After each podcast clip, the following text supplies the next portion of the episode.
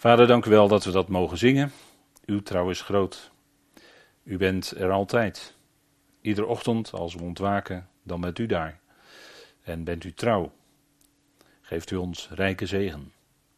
Vader, dank u wel voor die heerlijke geestelijke zegeningen die we hebben ontvangen in Christus, waar de Efezebrief zo rijk en vol van is. Vader, dank u wel dat we daar met elkaar ons mogen, over mogen verheugen, ook vanavond. Over uw liefde, over uw genade. Vader, wat willen we dan eigenlijk nog meer als mens? Dat is alles. Vader, we danken u dat we u mogen kennen, meer nog door u gekend zijn. En dat u uw plan uitvoert in grote trouw. U laat niet los wat uw hand begon. En u zal ook dat plan voltooien, totdat het helemaal af is. Vader, dank u wel dat wij kijken naar dat wat nog in de stijger staat. Maar dank u wel dat we al mogen zien over al die bouwwerkzaamheden heen naar dat grote einddoel, wat u zich voor ogen heeft gesteld en wat ook zeker bereikt zal worden. Dat u alles in alles zult zijn. Vader, wat geweldig is dat. En dat biedt ons troost, verwachting, bemoediging, uitzicht, licht op ons levensweg. Troost in moeilijkheden, bemoediging in als de dagen moeilijk zijn. Vader, u voedt en koestert ons met dat woord van u. En bidden ook voor hen die op dit moment verdriet hebben, rouw hebben, wij zijn erbij. En dank u wel dat we altijd, ook als daar afscheid genomen moet worden, het maar tijdelijk is. En we uitzien naar het grote moment dat die vereniging in de lucht daar zal zijn. Vader, we danken u daarvoor, voor uw heerlijkheid, voor uw goedheid, voor uw genade. We danken u dat u ook zo ons vanavond daarin wilt leiden, door uw geest, in het spreken, in het luisteren. En u kent ons hart en u weet hoe we hier zitten. Vader, met alles wat ons bezighoudt. Geef dat we door dat woord van u bemoedigd mogen worden. We danken u daarvoor. In de naam van uw geliefde Zoon, onze Heere Christus Jezus. Amen. Gods liefde en genade. We gaan lezen met elkaar het stukje wat daar staat. Efeze 2, vers 4 tot en met 7. Een uh, enkel, enkele versen die we vanavond gaan bekijken. En daar lezen wij Efeze 2, vers 4. God echter, die rijk is aan barmhartigheid, vanwege zijn onmetelijke liefde waarmee hij ons lief heeft, wij die dood zijn voor de krenkingen en de begeerten, maakt ons gezamenlijk levend in Christus. In genade zijn jullie geredden.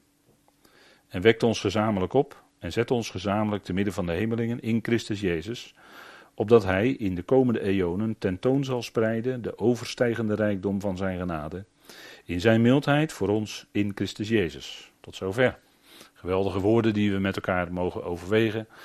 En wat een enorm contrast vormen deze woorden met het voorgaande stukje waar we de vorige keren mee bezig waren. U ziet dat op deze slide die we ook de vorige keer hadden, waar we mee afsloten. Wij waren van nature kinderen van verontwaardiging, zoals ook de overigen. Dus dat gold voor Israël. Hè? Wij, die wij hier, even weer in, erin komen, die wij hier, dat is uh, Israël, de gelovigen uit Israël.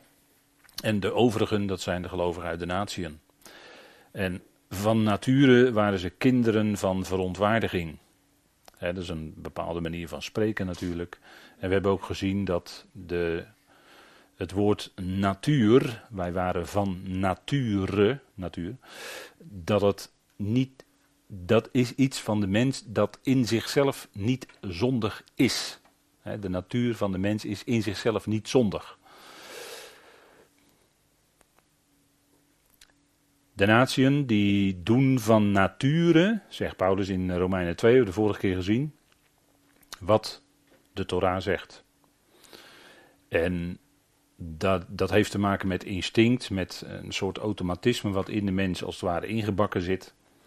En dat is nog eventjes afgezien van het vlees, de zonde en uh, de, de sterf, sterfelijkheid, stervend dat we zijn. Wat dan het zondigen veroorzaakt natuurlijk, hè, want dat was bij de mens aan de hand. Wij waren van nature, zegt Paulus, wij, gelovigen uit Israël, waren van nature, net als de anderen, ook kinderen van verontwaardiging. Ondanks dat ze het licht hadden van de Torah, ondanks dat ze voorrechten hadden, Aan hen is gegeven de verbonden, de, wet, hè, de, de wetgeving, ehm, de beloften en noem alles maar op. Hè, wat Paulus noemt in Romeinen 9, een heel, heel rijtje voordelen somt hij op. En natuurlijk in Romeinen 3, wat is het voordeel van de Jood en het nut van de besnijdenis? Allereerst zegt Paulus dat aan hen de woorden van God zijn toevertrouwd. En daarmee hebben ze ook het licht. Daarmee hebben ze ook, ook een, de Torah gaf hen ook in zekere zin een stukje afscherming van dat ze niet bezig zouden zijn zoals de volkeren die ze uit Canaan moesten verdrijven. Hè. Ze moesten die volkeren met de band slaan. En dat was uh, niet zomaar natuurlijk. Dat was niet zomaar. Dat was vanwege het gedrag van die volkeren. Hè. Die, uh, en voor Israël was het in zekere zin, die Torah was in zekere zin een bescherming zou je kunnen zeggen. Als ze daarna zouden leven, zouden ze van bepaalde dingen niet, niet zoveel last hebben. En ehm, toch, zegt Paulus, toch zegt Paulus. Wij waren van nature kinderen van verontwaardiging, want ook het gedrag van de Jood was, ondanks dat ze die Torah hadden, niet in, uh, ja, maar heel kort door de bocht te zeggen, niet in de haak. Het bleek in de praktijk dat de Jood zich niet kon houden aan de wet. De wet werd op het vlees gelegd en dat ging hem niet worden. De wet is op zich goed, heilig, rechtvaardig. De wet is zelfs geestelijk, want het zijn woorden van God. Prima, de wet op zich is prima, alleen de mens kan er niet aan voldoen. Zodra het op de mens gelegd wordt, gaat het mis. En met het woord mis zeg ik het al, zonde. Dat gaat niet lukken. Waarom niet? Omdat het zwak was door het vlees. Het vlees is nu eenmaal zwak doordat het vlees stervend is. En niet in staat is uit zichzelf, miste die kracht om aan Gods woorden te kunnen, tot eer God te kunnen leven, zo kan je het ook zeggen.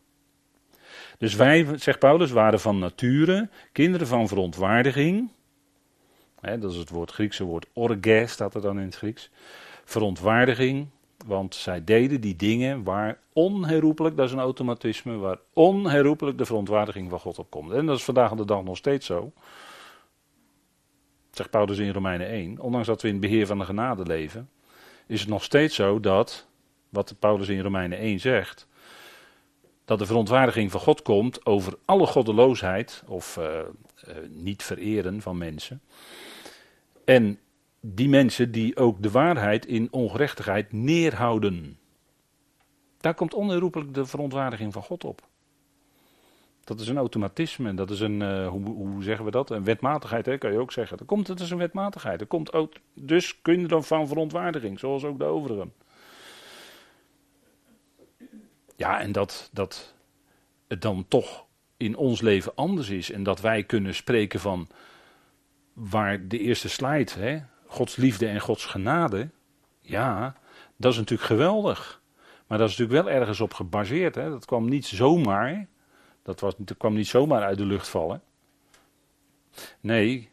En dat is ook wat hier natuurlijk getoond wordt. Hè. Eh, je zou kunnen zeggen, tegen de donkere achtergrond van het gedrag van de mens, hè, zoals we gelezen hebben, vorige keren. Jullie die dood zijn voor jullie krenkingen en zonden. Jullie, hè, de natieën. En hier in vers 5, wat we gelezen hebben, wordt nog gezegd: Wij die dood zijn voor de krenkingen en de begeerten. Dat is die donkere achtergrond. Krenken, begeerten, zonden enzovoort. Dat is die donkere achtergrond. Waartegen Paulus nu laat klinken: God echter. En dat maakt het grote verschil. God echter. Tegen die donkere achtergrond van het gedrag van mensen. In overtredingen, in krenkingen, in zonden, in vervulling van begeerten enzovoort. Tegen die donkere achtergrond klinkt het hier God echter. En mensen zijn op zoek in hun leven naar wie is God. En wij mogen, God zij dank, de antwoorden hebben. Niet dat wij nou zo goed zijn, maar dat wij door God geroepen zijn en dat licht van Gods woord hebben en God zichzelf bekend maakt in dat woord en wij God dus beter leren kennen, daardoor mogen wij die antwoorden, kunnen wij die antwoorden hebben, hebben wij die antwoorden. Niet uit onszelf, nee, we zeggen, kijk dat staat geschreven, zo is God. Dat heeft hij gedaan. Zo is God. God is niet zomaar een God die alleen woorden spreekt, maar die doet ook. Hè? Dat weet u natuurlijk heel goed. God echter. Dat is de grote keerpunt, zeg maar, in dit stukje betoog van Paulus. Kinderen van verontwaardiging. Verontwaardiging, donkere wolken pakken zich samen. ook nu hè, in onze, in, over de wereld. De donkere wolken van Gods verontwaardiging zien wij al komen. Het gaat nog niet losbarsten, die bui. Maar dat gaat wel komen hoor. Die bui gaat losbarsten, absoluut. Hij heeft God gezegd. Verontwaardiging laat zich zien in de gerichten in openbaring 6 tot en met 19. Dat is allemaal nog toekomst, dat gaat nog vervuld worden. En toch in deze tijd nog steeds is het God echter. Zijn liefde, zijn genade, daarin zijn we gered. En dat is ook nog steeds het beheer van de genade van God. En dat is ook de reden waarom God niet snel ingrijpt. Hij gaat wel ingrijpen, zeer binnenkort, maar nu nog niet snel, zomaar. Om het zo maar te zeggen. In de Hebreeuwse schrift klinkt het dan ook, als, we, als er vertaald wordt het woord geduld, dan is dat eigenlijk een hele kort, dat is eigenlijk in één Nederlands woord gezegd, wat dan in het Hebreeuws in twee woorden staat, dat hij langzaam tot gramschap of langzaam tot verontwaardiging is. Dat is eigenlijk Gods geduld. Hè? En dat weerspreekt, ja, jammer dat we zo'n oud woord niet meer mogen gebruiken als langmoedigheid. Dat is eigenlijk een heel mooi woord, want dat zegt precies wat het Griekse woord in feite inhoudt. Lang van geduld, lang van gemoed. Dat wil zeggen, gemoed is je, je emoties. Je, en het duurt lang voordat God daadwerkelijk ingrijpt. God echter. God echter. God echter, die rijk is aan barmhartigheid. Vanwege zijn onmetelijke liefde waarmee hij ons lief heeft. Dat is geweldig natuurlijk wat hier staat. Hè? Zijn liefde en ook het woord liefhebben klinkt hier. Hè? En dat is onmetelijk. Uh, het, het, gewoon, het Griekse woord is veel. Hè? Dat is het woord polu. Polu. Dat is veel. En uh, daarvan, daar zit heel dicht tegenaan het woord polis. Hè? Dat is het, woord, het Griekse woord voor stad dat weet u misschien wel. Het Griekse woord voor stad is polis. En daar is ook dat woord waar we het afgelopen zondag over hadden, dat woord domein. Dat is ook in die woordfamilie zit dat. Hè? Ons domein. Of daar wordt dan een, een afleiding. Hè? Veel. Het is, een, het is een heel gebeuren. Hoe je dat precies moet voorstellen, weten we niet. We praten altijd over een gebied, om het maar onder woorden te brengen, om het voor ons een beetje begrijpelijk te maken. Maar ons domein is in de hemelen, of behoort aan de hemelen toe. Of is inherent aan de hemelen. Er staat eigenlijk een heel sterk woord daar ook. Veel. Polu, polis, hè, stad.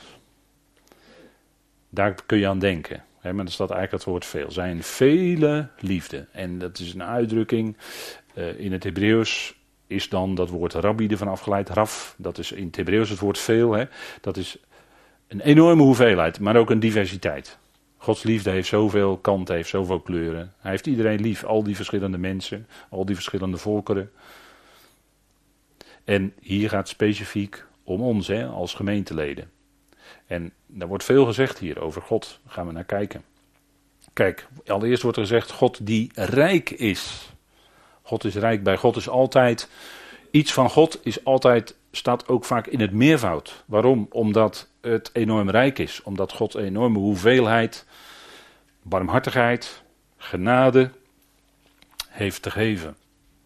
Bij God is. Uh, de heer Jezus zei dat toch ook? Ik ben gekomen opdat zij leven hebben en overvloed.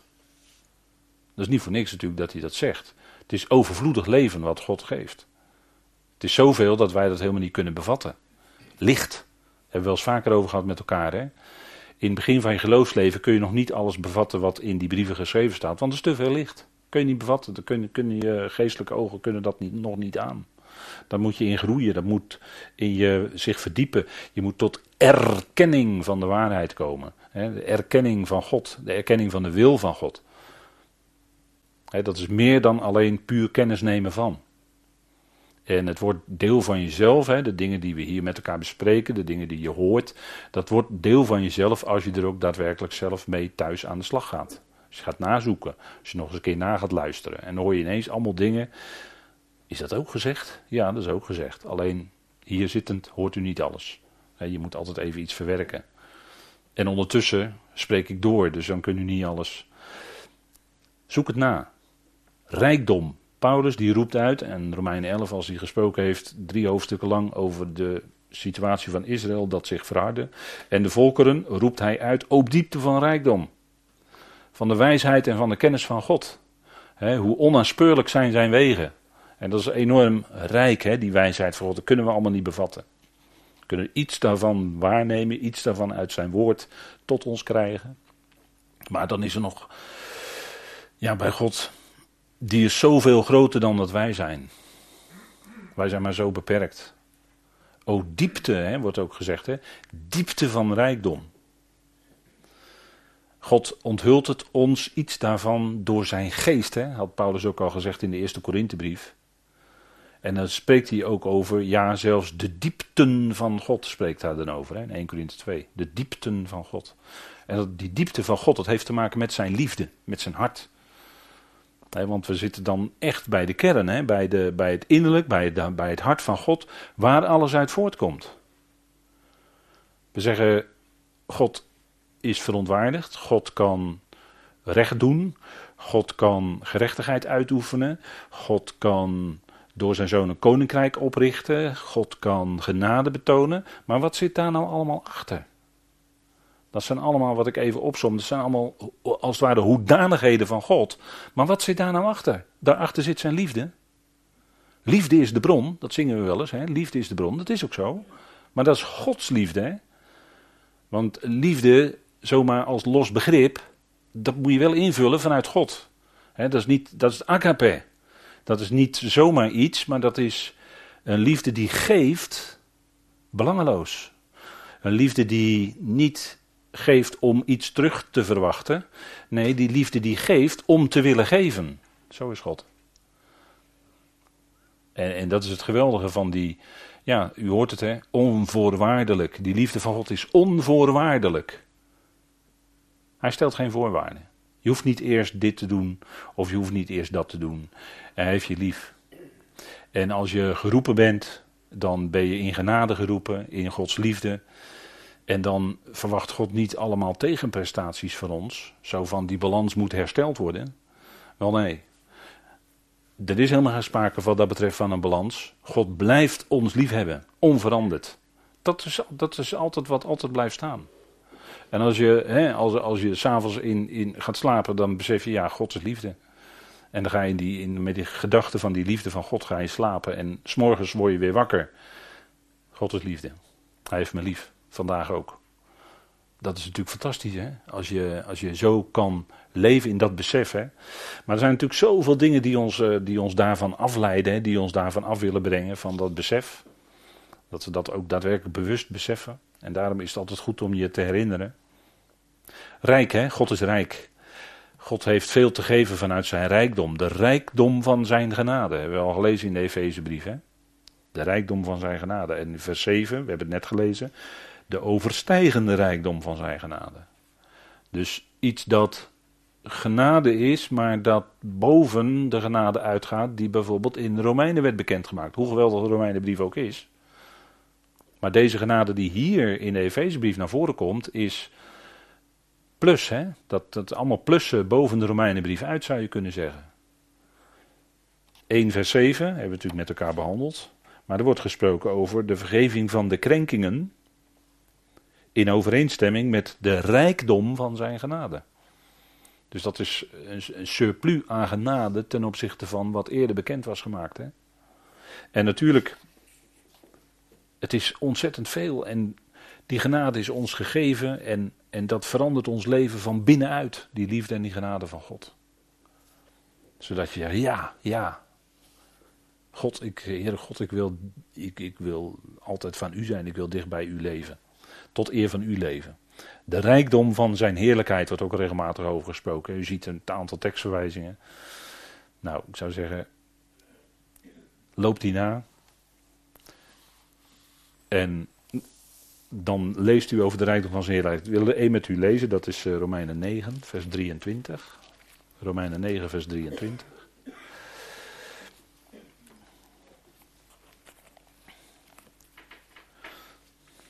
En dan zien we dat, uh, ja, dat is dat moeilijke hoofdstuk, hè, wat, uh, wat in de leer van de uitverkiezing natuurlijk een rol speelt binnen de kerken. Maar ja, je moet dat toch lezen zoals het er staat. Hè? En dan is het toch anders dan een, een, een kerkelijk leerstuk.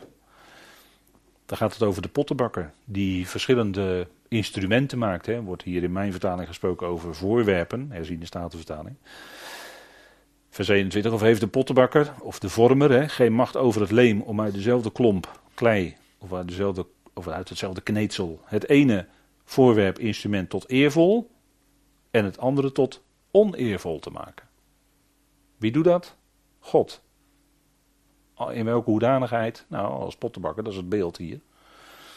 Als God iemand, hè, iemand zo maakt als voorwerp tot eervol en het andere tot oneervol, die moeten er kennelijk allebei zijn. Dat is het wonderlijke van God, hè?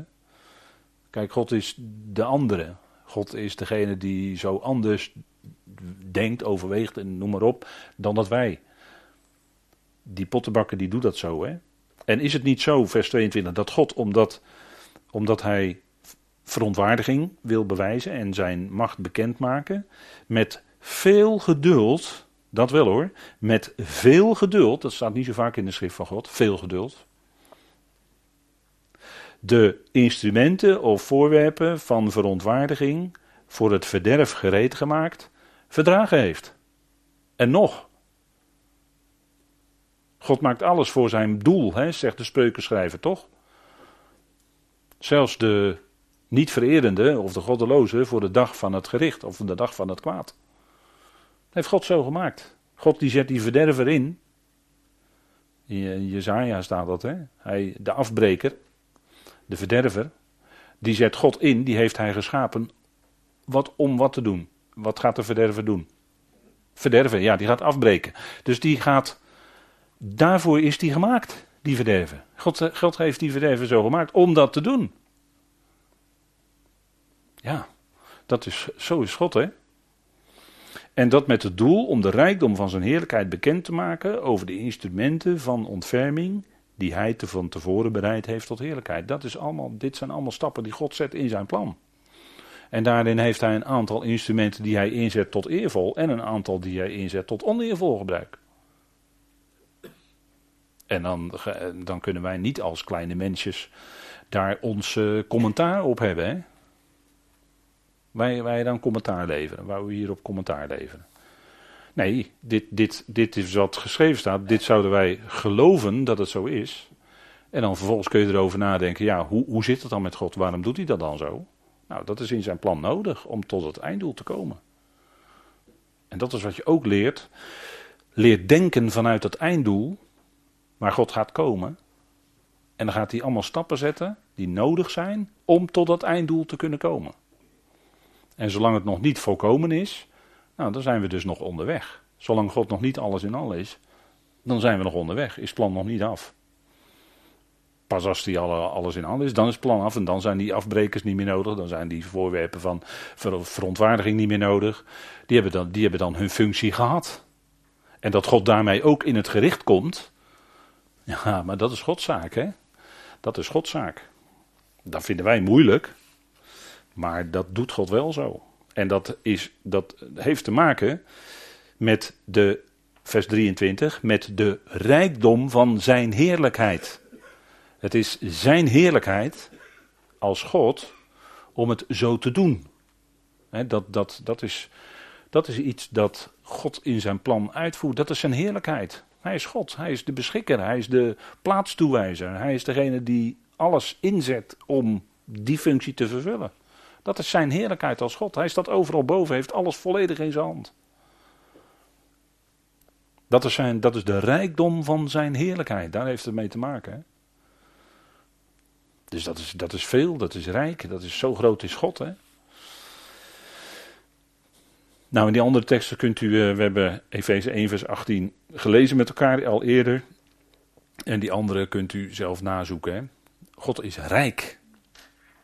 Dit is ware rijkdom. Geestelijke rijkdom is de echte rijkdom. Die kun je niet vergaderen op de beurs. Die kun je niet uh, verzamelen op, uh, door geldhandel te doen op de Forex of wat dan ook. Of met opties of weet ik wat allemaal te knoeien. Nee, dat is niet, rijk, dat is niet rijkdom, dat is iets wat gaat zo voorbij. is niks, in feite. Nee, het werkelijke rijkdom is de geestelijke rijkdom die we hebben in Christus Jezus. En dat is goud. Dat vind ik goud. dat is weg waar je het ware. Kijk, God is rijk aan barmhartigheid. En barmhartigheid is een woord dat met name in Tenach regelmatig klinkt, ook in verband met God. De barmhartigheid. En de barmhartigheid is iets dat wel te maken heeft met Gods genade. Je zou kunnen zeggen, in plaats van de gestrengheid van God, betoont hij barmhartigheid. Dus in plaats van, ja, laten we maar zeggen, hard op te treden, is hij barmhartig. En dat wordt in Tenach ook duidelijk aangegeven. Dat is ook natuurlijk de, de kwestie van Jona. Kijk hier, Jona, toen die boom verdord was. Toen had Jona zelf een hutje gemaakt. En uh, hij, hij zat een beetje beklacht te doen. Laten we even met elkaar lezen. Jona 4. Jona, u weet wel, hè, de, de, de duif die uh, de andere kant op fladderde, hè, zo, zo maar te zeggen. Hij ging naar Tarsis in plaats van uh, naar Nineveh. Maar uh, God, ja, God die beschikte, hij ging een bootje en God die beschikte storm en die zei, Jona, Jona, andere kant op. En beschikte grote vis, altijd leuk, vinden, vinden je kleinkinderen altijd leuk om dat, om dat te lezen met die plaatjes. Jona in de grote vis, spannend hoor.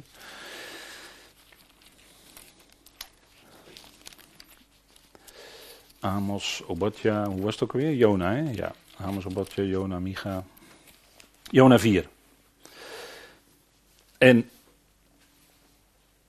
die mensen van Nineveh, want Jona die ging toch, uh, ja, eerst wilde hij de andere kant op. Maar God zei, uh, hij pakte hem in zijn uh, kippennek. En Jona deed toch, ja, ja, profeet, je moet naar Nineveh. Dus hij ging, moest toch naar Nineveh. Hij ging prediken. En wat gebeurde daar? Die mensen die keerden zich om. Die mensen bekeerden zich. Die mensen hadden berouw. En uh, dan is de reactie van Jona toch wel tekenend. Want hij ging dat, God ging dat gericht, God was barmhartig hè. Hij ging dat gericht over Nineveh niet voltrekken. Want die mensen die keren om, op zijn prediking. Hoe is het mogelijk? En Jona die reageert dan zo heel menselijk, want ja, dat, dat is iets wat... Dit was dat, dat God het niet deed, hè, dat zo eindigt uh, hoofdstuk 3. Hij deed het niet. Hij, hij had gezegd hen kwaad te zullen aandoen en hij deed het niet. God deed het niet. Dit was volstrekt kwalijk. Hè, dit, dit betekende groot ongenoegen bij Jona. In de ogen van Jona en hij ontstak. Hij bad tot Yahweh en zei: Och Yahweh, was dit mijn woord niet toen ik nog in mijn land was? Daarom ben ik het voor geweest door naar Tarsus te vluchten. Want ik wist dat u een genadig en barmhartig God bent. En hier staat dan al of eel. Hè? Lang, geduldig, en er staat hier langzaam tot verontwaardiging. En rijk aan goede tierenheid. Rijk aan geset. Dat is het Hebreeuwse woord, hè? Bekend, bekend woord. Hè? Rijk aan geset. Die berouw heeft over het kwaad. Nu dan, Jawel, neem toch mijn leven van mij weg. Want het is immers voor mij beter te sterven dan te leven. Hè? Want mijn dood is beter dan mijn leven. Maar Jawel zei, ben je terecht in woede ontstoken. Dit is een typische reactie van uh, Jona. Hè? En dat is ook wat je wel eens merkt bij mensen. Als, uh, als ze iets horen van, hey, God is redder. En je vertelt dan, God is redder van alle mensen. En dan, en dan zijn mensen, eh, soms is de reactie dan dat mensen teleurgesteld zijn. God redden van alle mensen. Maar ik, ik ben toch gelovig, ik hoor er toch bij. Ik, uh, ik ben toch uh, binnen die of die geloofsgroep. En nu, nu blijkt dat God de redder is van alle mensen. En dan kunnen mensen net als een Jona reageren. Van ja, maar wacht even, dat, dat, dat, neem ik niet. Want uh, ja, neem, neem die, die verschrikkelijke despoot, neem die verschrikkelijke heerser, neem die, uh, we kennen de namen wel. En wij vinden dan dat die toch wel een eindeloos uh, verlorenheid verdiend hebben en wij niet. Want wij geloven nu. Dus dan kunnen wij mensen wel eens net zo reageren als een Jona. En dat was voor de Joodse mensen ook in, in de dagen van Paulus, was, uh, Saulus, Paulus, was het ook aanstootgevend. Hè? Want Um, herinnert u zich misschien dat uh, Paulus op een gegeven moment in Jeruzalem is. En dat hij dan daar hen toespreekt. En dat ze enorm in woede ontsteken op het moment dat hij zegt dat hij naar de natie gezonden is. Dan worden ze woedend. En wie zijn dat daar vooral? In Jeruzalem. Dat zijn vooral Messiaanse Joden, Messias beleidende Joden, die Jezus als hun Messias kennen hoor. Dat was die menigte daar, die in woede ontstak, moet je nagaan. Ze het niet. En hij kon ontzet worden dan door de Romeinen. En dat is ook waar Paulus dan mee bezig is in de Romeinenbrief. Kijk, dat evangelie kon natuurlijk een aanstoot zijn voor die Romeinen, net als voor Jona het een aanstoot was, dat God die mensen van Nineveh, wat toch in die tijd een hele grote stad was, dat hij die, die stad niet omkeerde zoals Sodom en Gomorra. Maar is het niet zo dat, eh, als ik Sodom en Gomorra zeg, is het niet zo dat Jezaja dat ook zegt in Jezaja 1? Als God niet voor hen barmhartig was of genadig, dat ze als Sodom of Gomorra geworden zouden zijn? Zegt Jezaja tegen zijn eigen volk. Ja. Dus wat dat betreft, God is wat dat betreft natuurlijk recht, hè?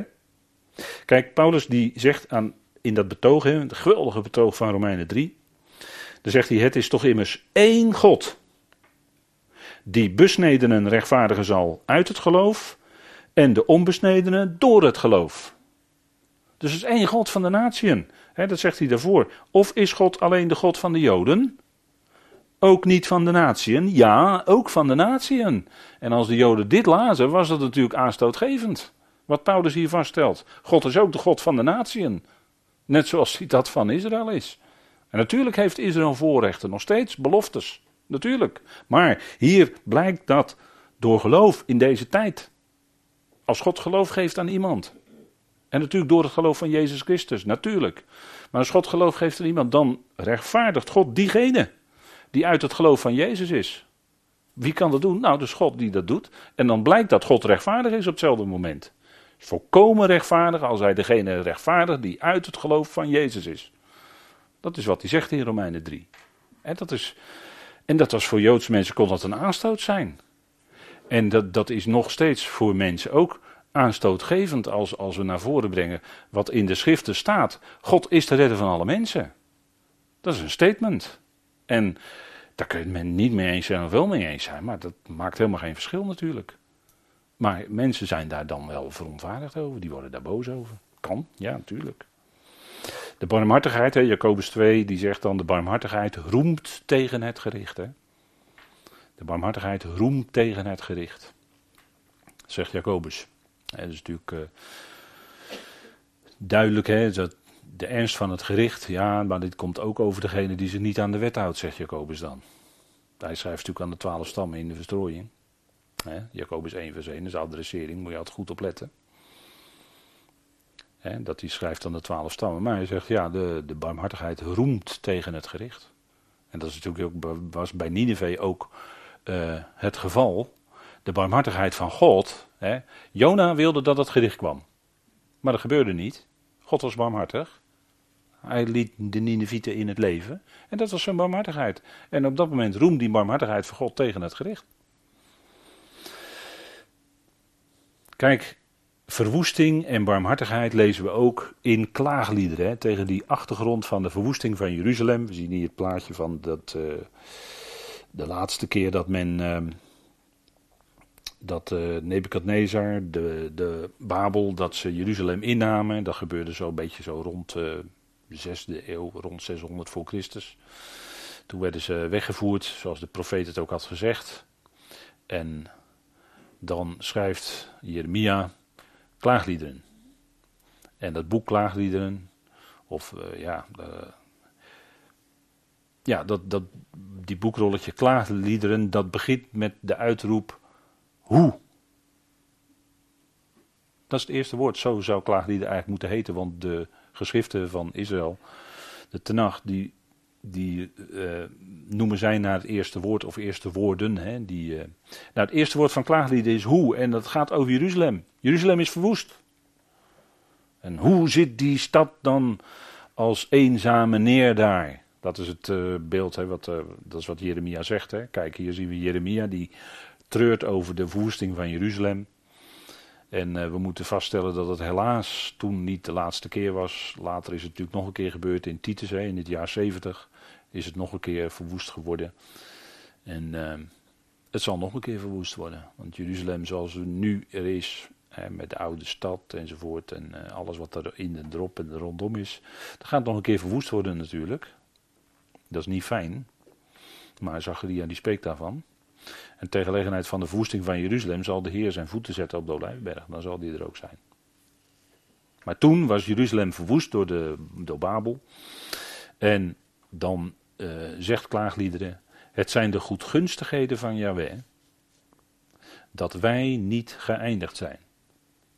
Dat zijn barmhartigheden niet opgehouden zijn. En dat zegt Jeremia dan tegen die donkere achtergrond van de treurige verwoesting van Jeruzalem. En nochtans zegt hij, God is barmhartig. u ziet daar het woord rachamim, hè, dat is het meervoud van barmhartigheid. En zo wordt eh, vaak wordt ook die meervoudsvorm gebruikt. En dat heeft te maken met de oorsprong, hè, de baarmoeder heeft dat mee te maken, rechem in het Hebreeuws. De baarmoeder, daar, daar waar je als klein kindje heel erg geborgen bent, dat is eigenlijk het beeld, hè? dat is eigenlijk de barmhartigheid van God. Je bent in die liefdevolle handen van God, om het zo maar te zeggen. Dat is je oorsprong, daar kom je vandaan. Dat, dat beschermde, de, die barmhartigheid die daar is. En dan zegt de profeet dat zijn barmhartigheden niet opgehouden zijn. Nieuw zijn ze. Elke morgen, groot is uw trouw. We hebben het net gezongen met elkaar. Hè? Groot is uw trouw, o Heer. Zijn barmhartigheden zijn daar. En barmhartigheid, dat is een uiting van het warme hart van God. We spraken ook, spreken ook wel eens over warmhartigheid. En dan zegt, uh, dan zegt klaagliederen, Yahweh is mijn deel, zegt mijn ziel. En daarom zal ik op hem hopen. Yahweh is goed voor wie hem verwacht. Voor de ziel die hem zoekt.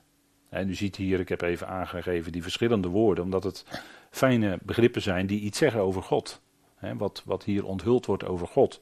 Zijn trouw, dat heeft te maken met amen, emuna, dat is het woord dat heel nauw te maken heeft met amen natuurlijk. En dan het woord jagal, dat is hopen. En dan nog een sterkere woord, dat is kava. dat is eigenlijk ons woord elpizo, of elpis, verwachten. En dat hangt ook samen, dat woord kava, met het bekende woord tikva in het Hebreeuws. U kent dat wel, hè? dat lied ha, tikva begint het mee. Hè? Dat is de verwachting.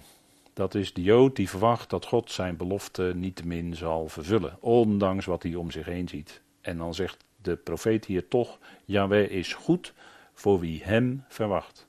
Voor de ziel die hem zoekt. Dat komt allemaal voort uit zijn liefde. Je kunt het van hem niet alleen hopen, nee, sterker nog, je kunt het van hem verwachten. En hij zal je niet teleurstellen. Zijn barmhartigheden, zijn trouw, die ervaren we iedere ochtend, die ervaren we iedere morgen. Dat is iets wat hier onthuld wordt in Klaagliederen 3. Hè? Zomaar een tekst uit een heel treurig boek, heel treurig klaaglied, waarin de profeet zich beklaagt daarover. En toch, en toch is dat geweldige licht wat naar voren komt, dat God zelf, Yahweh, ik ben, is trouw. Iedere morgen blijkt dat weer. Hij is trouw, hij is er, hij is trouw, hij zal doen wat hij beloofd heeft. Hij heeft ons lief. En dan zegt hij ook, Yahweh is mijn deel. En misschien zeg je wel, ja, maar ik ben deel eigenlijk van Yahweh. Hij heeft, uh, ik, ben eigenlijk in zijn, ik ben eigenlijk zijn eigendom. Hè?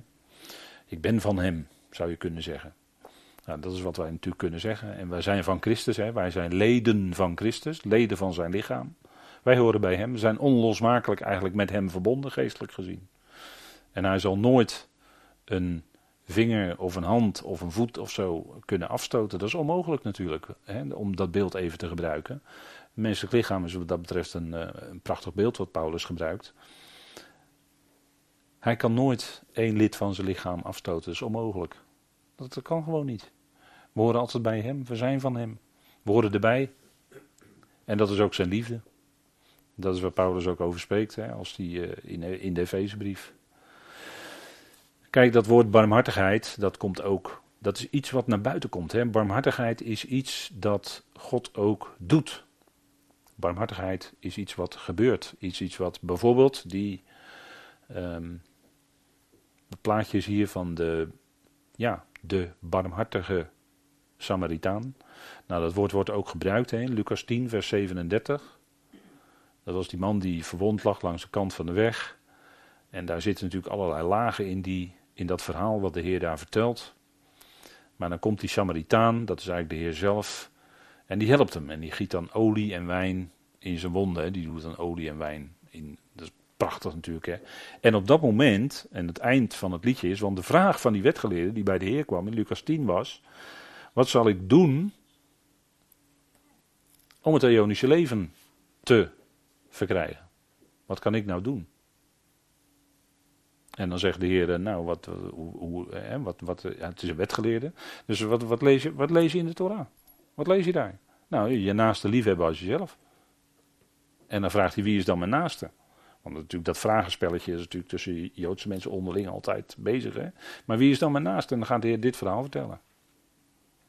En die Samaritaan, die uh, raapte hem op langs de kant van de weg en die zette hem op zijn eigen dier. En die bracht hem in de herberg en die gaf hem voor twee dagen geld, eh, dat hij daar kon blijven, twee dagen. Ja, goed. Hij gaf hem daar geld. En dat was het eind van het liedje, want het gesprek, meestal stopt het hier. En dan vinden wij geweldig de barmhartige Samaritaan wat hij gedaan heeft. En dan is altijd de strekking als er over gepreekt wordt. Hè, want dan kun je natuurlijk prachtig uit preken. En dan kan je natuurlijk mensen ook aanzetten om, om allerlei mooie dingen te gaan doen. Maar eh, ja, dan moet je zijn als die barmhartige Samaritaan. Maar de vraag was eigenlijk, wie is nou die naaste?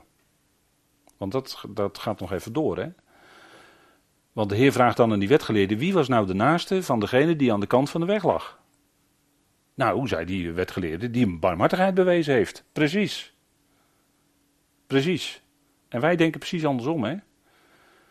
Wij denken dat die Samaritaan een naaste tegenkwam, die verwonde man, en dat die, man, die verwonde man de naaste was van die Samaritaan. Maar als je het eind van die geschiedenis leest in Lucas 10, of het verhaal, sorry, het is een verhaal, dan is het andersom, hè? Wie was nou de naaste van degene die langs de kant van de weg lag? Nou, dat was die Samaritaan.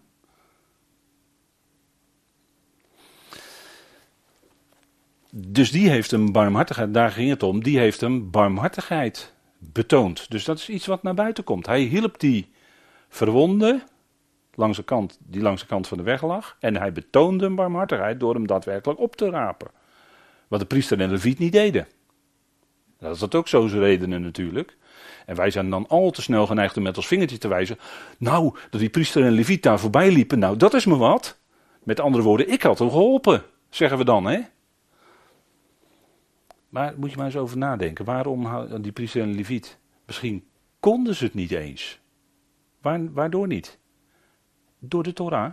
Misschien konden ze niet eens door de Torah. Dachten ze dat hij dood was, dus ze mochten geen doden aanraken. Staat in de Torah. Even nadenken bij zo'n verhaal wat de Heer vertelt. En die betoonde hem barmhartigheid door hem daadwerkelijk te helpen met olie en wijn en hem op zijn rijdier te zetten en in die herberg te brengen. Natuurlijk een prachtig verhaal wat de Heer vertelt. Want dat is, dat is inderdaad barmhartigheid doen in de praktijk. Ja, zeker. En daar gaat het niet om. Dat is natuurlijk prachtig wat die Samaritaan deed. En dat van die naaste, goed, dat leg ik dan even bij u neer. Denkt u maar eens over na. En barmhartig zijn, hè, dat is ook wat uh, de Torah natuurlijk zegt. In Exodus u ziet daar staan Romeinen 9, vers 15. Daar gaat het over die geschiedenis van Mozes met de farao, weet u wel.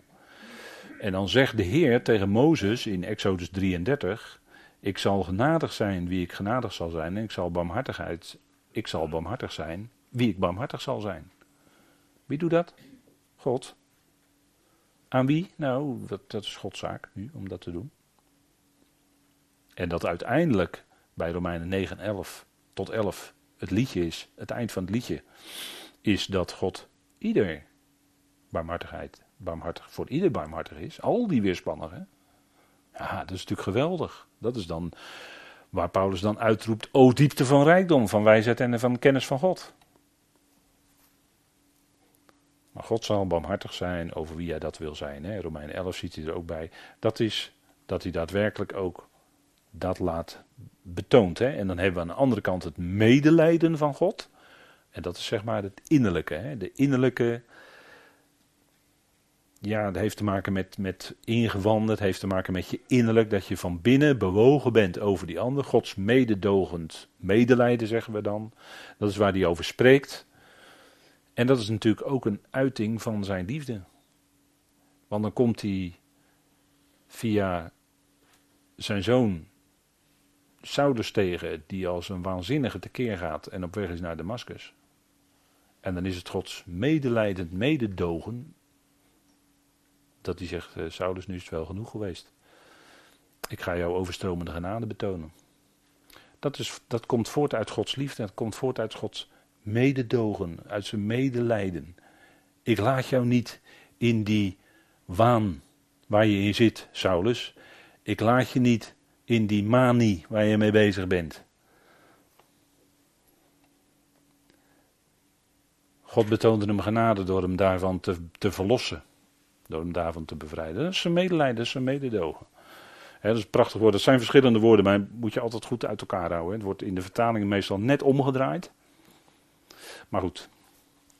God echter is rijk aan barmhartigheid. Kleine illustratie Samaritaan die die man tegenkomt, die verwond lag aan de kant van de weg. Grotere illustratie, Saulus die geroepen wordt door Christus Jezus, op weg naar Damascus.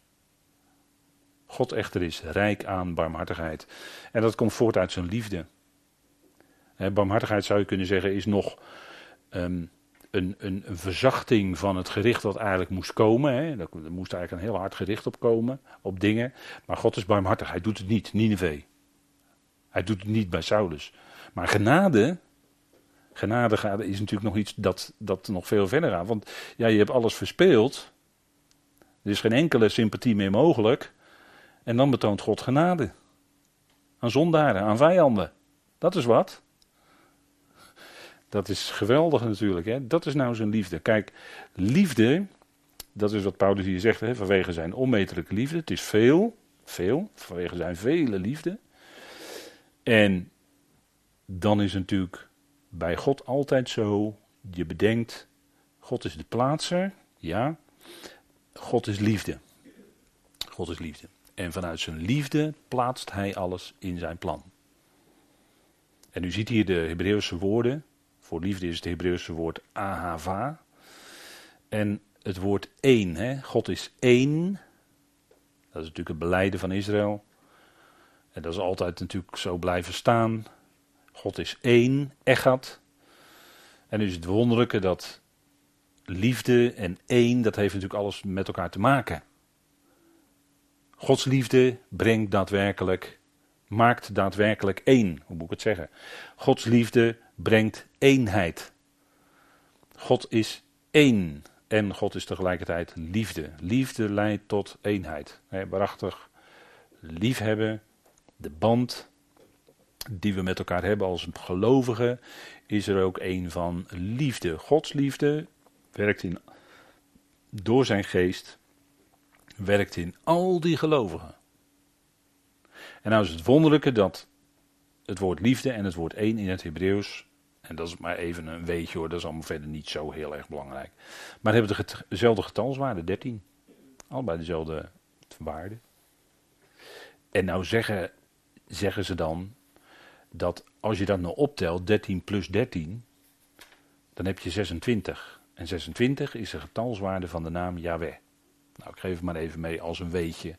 Is verder niet zo heel erg belangrijk, maar is toch wel, nou, misschien een beetje wonderlijk. Maar het gaat erom, kijk, die liefde, dat, dat ahava, dat werd bekendgemaakt in Tenach. En natuurlijk overduidelijk voor Israël dat God één is. Dat stond allebei in de Torah. Die liefde van God en dat God één is. Je vindt het terug in Deuteronomium. Je vindt het terug in zijn handelen met zijn volk. Hij bewaarde dat volk. Hoewel die hele generatie omkwam in de wildernis, bewaarde hij toch het volk als geheel en bracht het in het beloofde land. Dat was zijn liefde. En komen de Amalekieten. Nou, dan zorgt God dat Israël de, de, handen omhoog, uh, biddend, en dan kunnen ze die strijd winnen. Duurt, duurt lang die dag, maar ze wonnen toch. Dat was omdat God hen de overhand gaf. Dat beleidt Mozes later ook. Die liefde van God. God is liefde, zegt Johannes ook. Hè? God is liefde.